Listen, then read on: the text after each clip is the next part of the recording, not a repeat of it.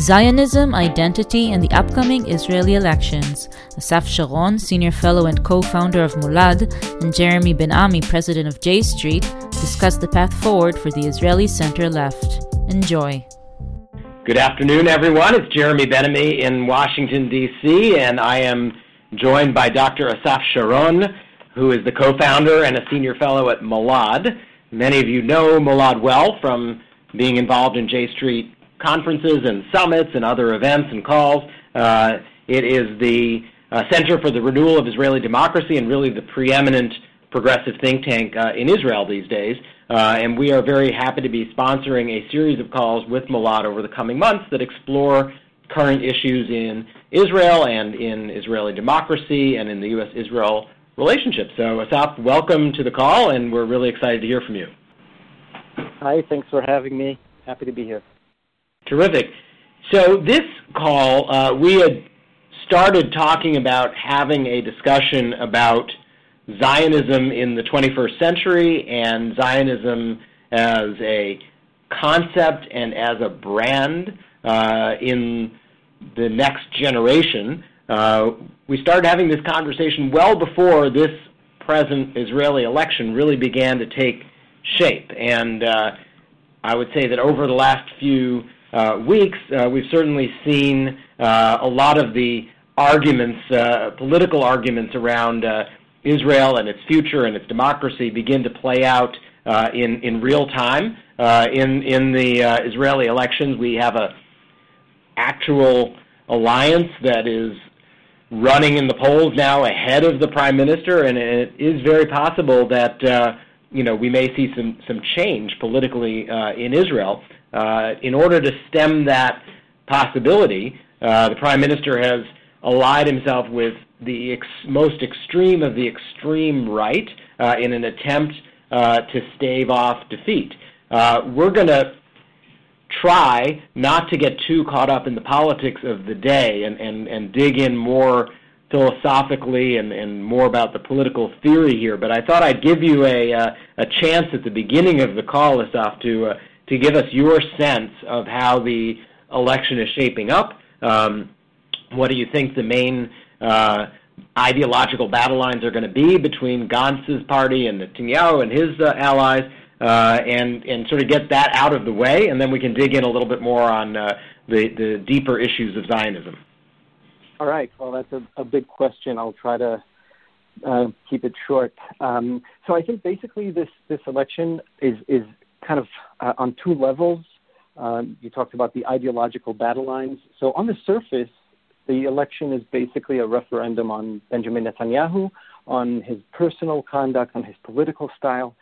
And we've known for a while, those of us doing political research in Israel, that despite appearances, Netanyahu is not a very popular leader.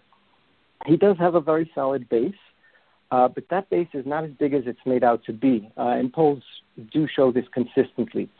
Netanyahu's main advantage um, has always been um, his uh, gravitas, his international stature, which, by the way, is, is to much to the fault of uh, various American governments. And more than anything, I think his, his credibility on security. And this is something we at Molad have been stressing endlessly, though it, it should have gone uh, without saying or be obvious, namely that credibility on security is the sine qua non of Israeli politics. The center left has been, um, um, I think, uh, unwise and uh, probably too timid uh, to address the issue of security properly.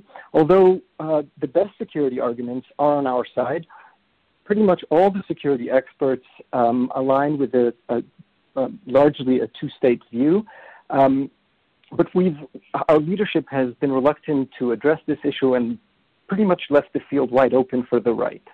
Um, now, if you if you look at the history over the last four decades, uh, we saw three successful and effective challenges to the right wing's uh, hold on power in Israel. The first was Rabin in '92, then Barak in '99, and now the kind of incoherent collection of generals led by Gantz. Um, arguably, Livni in 2009 was a similar story.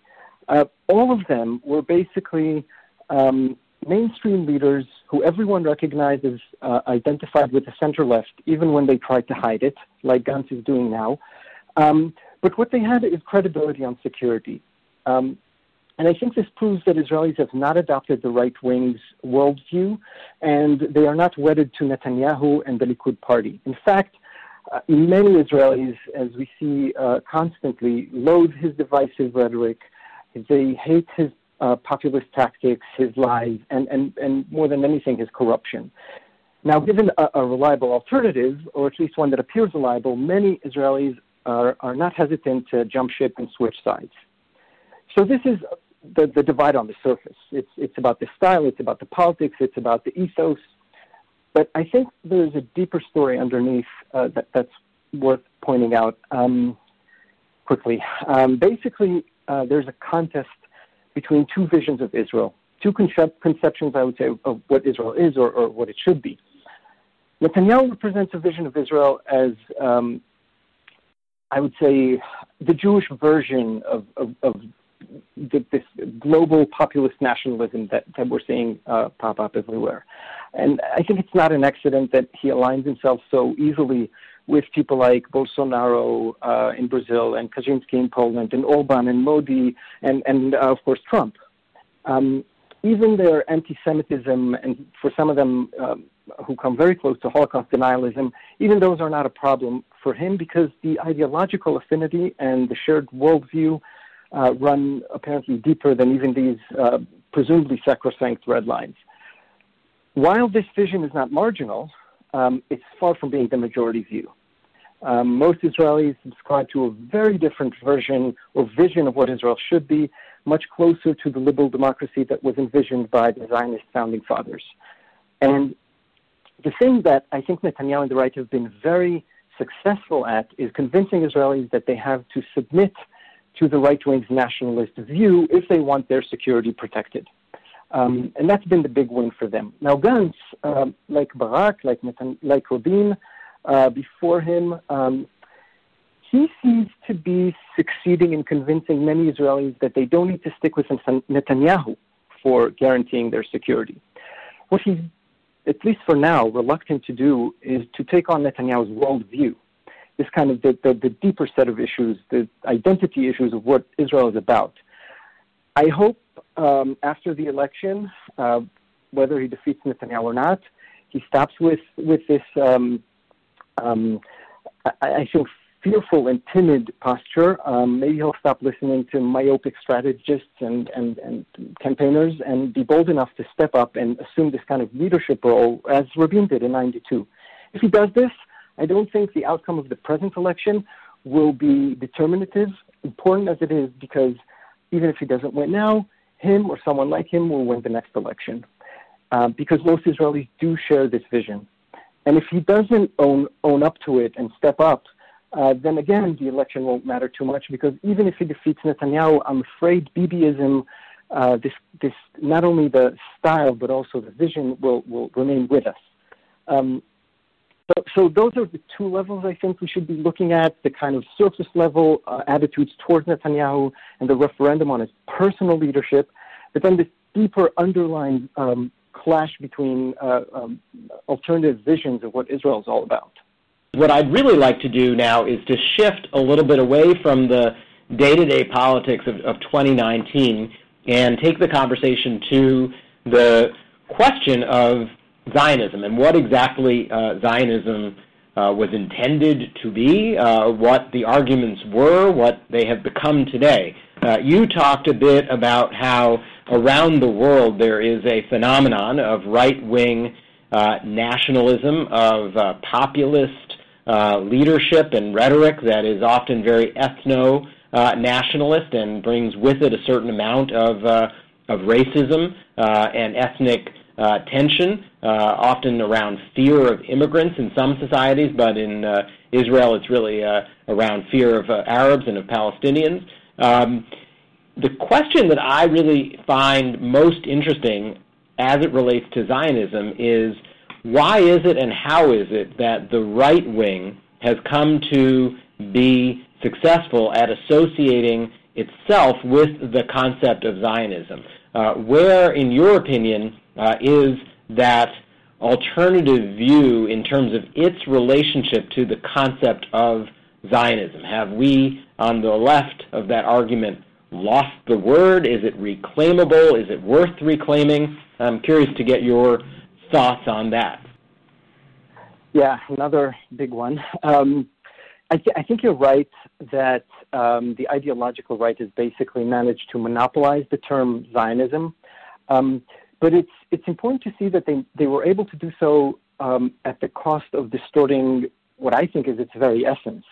Um, so so this at least should be part of the analysis, and and, and I think if you address it or, or understand it that way, we can see a way towards reclaiming it, which I think is, is essential. You know, a few years ago, you would barely, well, many, like a few decades ago, I should say, the term Zionism wasn't very much in use in Israeli political discourse but it's become um, omnipresent. I, I, I, don't think you can ignore it, and I don't think um, um, regaining power in Israel um, can can bypass Zionism. So it's it's it's good for us that, that uh, the original meaning of Zionism is much closer to our worldview than to the right.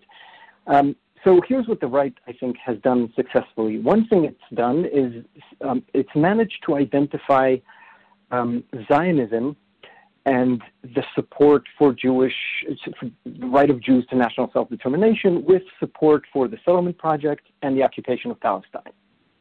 Um, and you can see this when every criticism of the occupation or of Israel uh, conducting the occupation is immediately identified as anti-Zionism, sometimes even as anti-Semitism. More profoundly, though, I think they um, they changed the core aspiration, or at least our interpretation, our understanding of what the core aspiration of Zionism is. And this relates to um, the two visions I mentioned before um, about Israel, but at a deeper level. So maybe I should take a minute to, to explain what I mean. Zionism wasn't just uh, uh, about national, about Jewish nationalism. Zion, we, we should remember that Zionism was part of Jewish Enlightenment. It was a, a movement that rebelled against uh, the conditions under which Jews were living, mainly in Europe, but uh, but also elsewhere, as a defenseless, scattered uh, people, a minority lacking self determination. And this plight of Jews, in the view of uh, the founding fathers of Zionism, was not metaphysical. It was a consequence of our historical and political circumstances. And therefore, rectifying it required changing those circumstances, namely creating a, what they called a national home, where Jews would enjoy political self determination. Now, in stark contrast to this vision, the basic view of the right is of Jewish exceptionalism. By the way, this was, was not the view of the founder of the right, or what was called revisionist Zionism, Vladimir Jabotinsky. Um, although he did differ with mainstream or, or labor Zionism on the tactics, he shared the aspiration for normalcy, to be a nation like all nations. But the right as we know it the right that was shaped by the messianic visions of the settlers and by the apocalyptic right um, embodied in Netanyahu, its view of Israel is fundamentally as what I would call a fortified shtetl. In their view, we are still the persecuted Jews. So, you know, once it was the Egyptians, then it was the Romans, then it was the Nazis, now it's the Arabs. Um, and of course, yeah, we shouldn't forget to mention the wimpy liberals in the West who support them. Why do they persecute us? Well, because we are so special and so much better than everyone else. So this kind of Jewish exceptionalism, uh, I'm sure you all know the drill, is is is their renewed version of, of the Zionist aspiration. Netanyahu once put it a few years ago. He said, "We are still. It, it's still 1939. I think the context was uh, Iran, and it's it's ironic that it went unnoticed that the leader of Israel pronounced to the world basically that Zionism failed. Because if it's still 1939 and we are still um, without the, the basic ability to defend ourselves and to define ourselves, then Zionism has been a failure. So we are essentially, in their view, uh, uh, the same exceptional people, only now with tanks and with nuclear weapons. So yeah, a fortified shtetl, I would say. This is Netanyahu's philosophy of Jewish history. He inherited this from his father. It's the vision of the ideological right. But again, this is not the vision of most Israelis, and this is not the vision of the founding fathers of Zionism. Ordinary Israelis, and I'm sure many of you have visited Israel and you know this, uh, they want to be part of the civilized world. They want to be part of the global economy. They want to be part of the West, the liberal, uh, Western liberal democracy, the global culture. What they really need is a, a leadership that will champion this vision. Um, you know, a, a leadership that's not cowed by the McCarthyist assaults of the right wing propaganda, um, from from owning this vision and espousing it proudly and pronouncing it and arguing for it and defending it. Um, and I hope this election will mark a, a beginning of a kind of liberal resurgence. Um, but I do believe, to answer your question, that it will have to be not a kind of globalist, um, cosmopolitan liberalism. It must be a liberalism that is, um, I say, I would say, rooted in the, the ethos of, of Zionism and Zionist thought.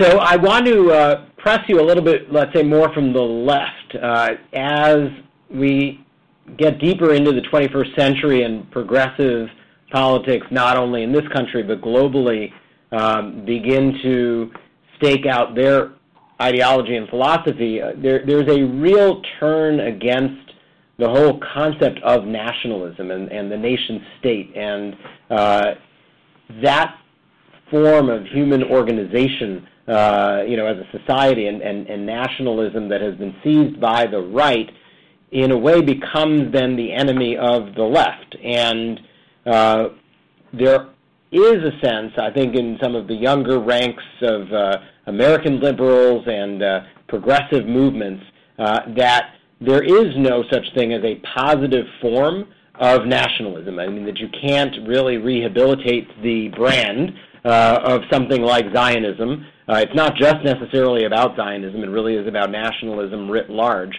Um, what do you think, in terms of the, uh, as, as somebody from the Israeli left, do you believe that uh, it is still possible to hold on to progressive values and a 21st century view from the left, but also still believe in the concept of a nation state uh, grounded in an ethnic identity? Is, is that a, uh, reconcilable set of goals?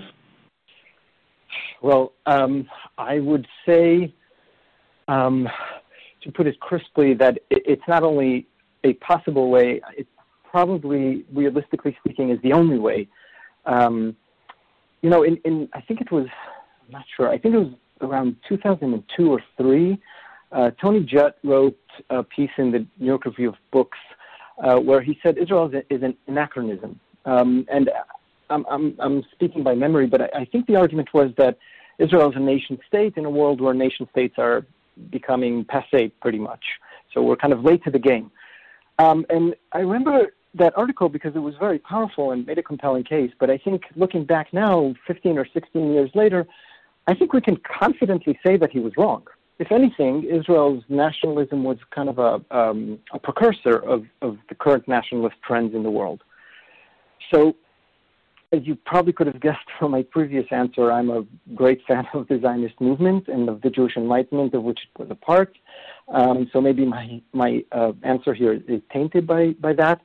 But I firmly believe that the left, uh, not only in Israel but everywhere, will do itself a great disservice if it ignores the sentiments and, and maybe I should say that the needs, the drives um, that that, that um, um, promote national movements, um, that motivate people into national movements.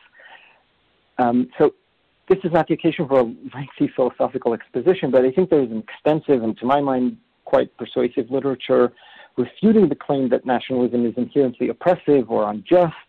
Um, and specifically, I would just say, with regard to Zionism, um, I don't think that um, a national identity is inherently um, oppressive, um, even in a country like Israel, which has a sizable native minority. Um, I can only recommend uh, Chaim Gans's book, Just Zionism. Uh, we published the Hebrew version, but there's an English one uh, by Oxford University Press, um, which makes a very strong case for an egalitarian Zionism that's not only just, but uh, would actually be uh, I would say, profitable for, for everyone living here.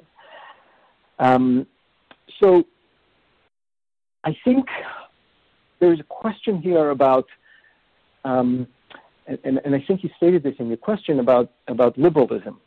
Um, and the question of liberal nationalism, because if we, you know, before the uh, First World War, there were many Marxists who thought that the idea of national identity as the foundation, kind of the social p- political glue, uh, was was misconceived and was going to be replaced. And that was a, a fine vision, but then you know, German workers and French workers uh, and British workers went to war against each other on nationalist sentiments. So what I'm trying to say is the denial of of the um, the, the genuineness and the deep embeddedness of I, national identities, cultural identities, ethnic identities. Um, that's um, and as good as banging your head against the wall. Those are real human sentiments, and they are here to stay. Do they have to be realized and acted out in a way that defies the basic um, um values of liberalism, of individual liberty, of um, of justice, of equality? I don't see any, and I don't know of any argument to that effect that is successful. Um, and I think there are many nations who are um, living proof that that is not the case. And specifically for Israel, I don't see any other um, formula other than a liberal Zionism for making this both a, a, national home for the Jews and a progressive, flourishing, um, modern state. I do think that the uh, question of, of how do you balance uh, the values that are fundamental to us as people who believe in democracy, but I also would argue that they are fundamental values to the Jewish faith uh, and, and to many faiths, but I, you know the Jewish faith in particular. How do you balance those values uh, together with uh, the the national identity question, Jewish and democratic? That is the central challenge to the long run success of the state of Israel. Uh, but I would also say that it is one that there are people that I've encountered over the last decade. Uh, just in the end of the day, they think it is uh, unwinnable. You know, the, the notion that liberal Zionism is dead. Uh, you know, we read it all the time in the uh, New York Times op-ed pages and the New York Review of Books and the New Yorker. You know, the whole series of the usual suspect places that you'd expect. Uh, we regularly hear that, that this concept of liberal Zionism uh, is dead and that Netanyahu and the forces of the right have killed it. Do you think now, more from a tactical perspective than from a philosophical perspective, uh, do you think that we need to rebrand? Uh, is it uh, necessary or wise to try to win the battle over whether or not there is such a thing as liberal Zionism or progressive Zionism, uh, and that we should be fighting for that, uh, and and try to teach people the history of uh, 100 years ago and 70 years ago, and give them a sense that these are, are debates and battles that happened in our grandparents and great grandparents' generation, or do you think that we need a new framework and a new concept, and we should just acknowledge that in a way we've lost the brand? uh, of Zionism uh, to the right, uh, and we need a different framework uh, to uphold our liberal values and believe that there's a way to square the circle on being both uh, a Jewish home and, and a democracy. So I don't see it as squaring a circle. Um, I would say that um, I guess I don't share the premise of these doubts because I think um, J Street, for example, is living proof, alive and kicking, that liberal Zionism is is very much alive in uh, at least the American Jewish community. Um, and having spent some time in the states, my um, impression, you know, I never polled this, but my impression was that the majority of American Jews, um, at least those who, who self-identify or are active in the community, are liberal uh, Zionists. Um, so, so, so I don't accept the premise that liberal Zionism is, is dead. I do think that there is definitely a crisis, but I don't think it's one of branding. Um, I would say this um, um, the way to push against the idea that Zionism is inherently illiberal is simply to promote liberal Zionism. And as I said before, I think it's easier than, than it may appear uh, because the origins of Zionism are, are, are uh, aligned with that. Um, you know, I think it's a very sad state of affairs that Molad is pretty much currently the the only institution in, in Israel that's explicitly committed to liberal politics and liberal Zionism. Uh, maybe I'm forgetting someone, but I think we're very much alone. And um, I think revisiting the great Zionist thinkers and their ideas, their motivations, I think um, I found uh, speaking to young people um, in universities, in, in uh, pre-military academies, uh, that touches a chord with all of them because it gives them a sense of belonging, of identity. Uh, it's not uh, some abstract uh, set of ideas that's imposed on them. It's it's part of who they are. Um, maybe I should say another wor- word about um, normalcy and self-determination I mentioned before because let me maybe in one sentence I would just say this: If Jews are to be self-determining, then the Jewish state must be democratic. And and here's why: because um, if you look at the vision promoted by the right, Israelis are not really a free people in our country, as the anthem says, because we are bound to be, we're compelled to realize some, some pre-scripted metaphysical destiny. We must act out some Jewish essence or, or providence. We're not free to define and recreate our Jewish identities. I think this is the deep reason why even non-religious leaders on the Israeli right align themselves so naturally with the Orthodox community and find it so hard um, to to connect with non-Orthodox Jews even in the states. Um, and if if if if we look at it that way, then to be a, a state in which uh, Jews realize their right to national self-determination, to be a self-determining people, we must be free to determine, to define, to redefine, to recreate our Jewish identities as we see fit. And I think that was the great promise of Zionism uh, originally, and that is what most Israelis really want.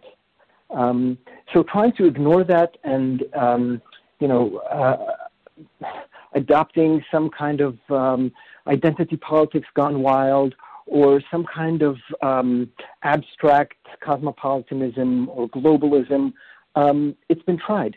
It hasn't worked. It hasn't been effective. I don't think it's correct philosophically, but you ask tactically, I haven't seen it succeed.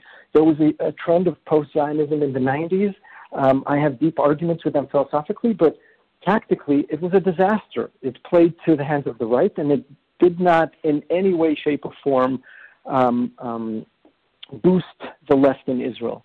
Um, so I think both philosophically and tactically, um, reclaiming Zionism in a, a, a kind of a, a Zionist rejuvenation along liberal lines is essential, and I think it touches a very deep chord with the great majority of Israelis, um, and, and and the way they kind of maybe half half consciously uh, understand what the Zionist project was all about.